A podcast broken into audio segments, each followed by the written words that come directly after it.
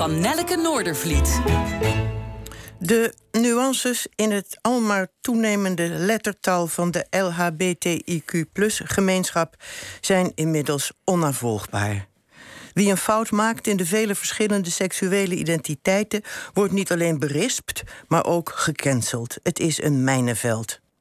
Zie het transgender infopunt op het internet dat bedoeld is om iedereen recht te doen. Ik citeer uit hun definities, een beetje uitgebreid, maar het is misschien wel de moeite waard. Uh, ik citeer dus.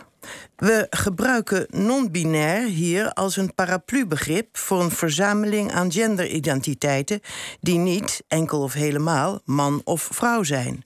Er zijn verschillende termen voor genderidentiteiten die zich buiten het binair gendermodel stellen: genderqueer, gender nonconform, agender, genderfluïde, bigender. Deze genderidentiteiten hebben met elkaar gemeen dat ze zich buiten de binaire gendernorm bevinden, maar ze verschillen onderling van elkaar. Sommige non-binaire personen identificeren zich ook als transgender, andere niet. Personen met binaire genderidentiteiten vallen onder de term transgender transmannen en transvrouwen.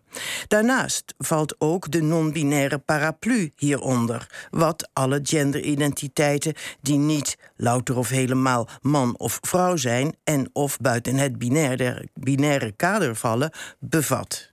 Deze paraplu staat deels onder de transgender paraplu, omdat niet alle non-binaire personen zich als trans identificeren.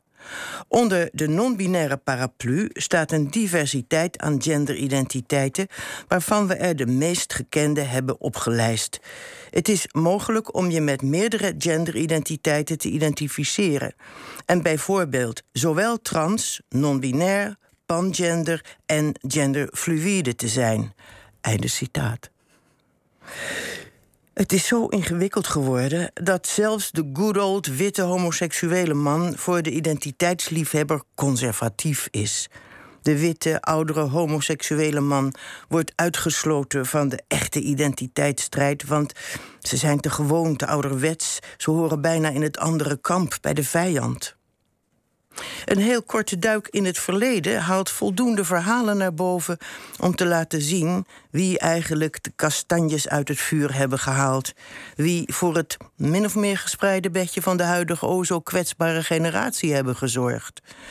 Sodomie, zoals het werd genoemd, werd lange tijd met de dood bestraft. Of met een gevangenis. Zie Oscar Wilde. Roger Casement werd in 1916 opgehangen wegens hoogverraad. Hij had de Ierse opstandelingen geholpen. En pogingen om hem van de strop te redden mislukten omdat de Engelsen een dagboek vervalsten waarin hij homoseksuele daden beschreef. Geen genade dus. En de acties van McCarthy, niet alleen tegen communisten, maar ook tegen homo's, werden en worden door een groot aantal diep religieuze en hypocriete staten in de VS nog altijd bewonderd en nagedaan. In Rusland, Iran en andere landen worden homorechten een decadente westerse uitwas genoemd. Dat iedereen zich bij ons mag identificeren en manifesteren zoals hij wil zijn, danken we aan de moed van homo's en lesbiennes uit het verleden, onder het paraplubegrip menselijkheid. Dankjewel, Nelle.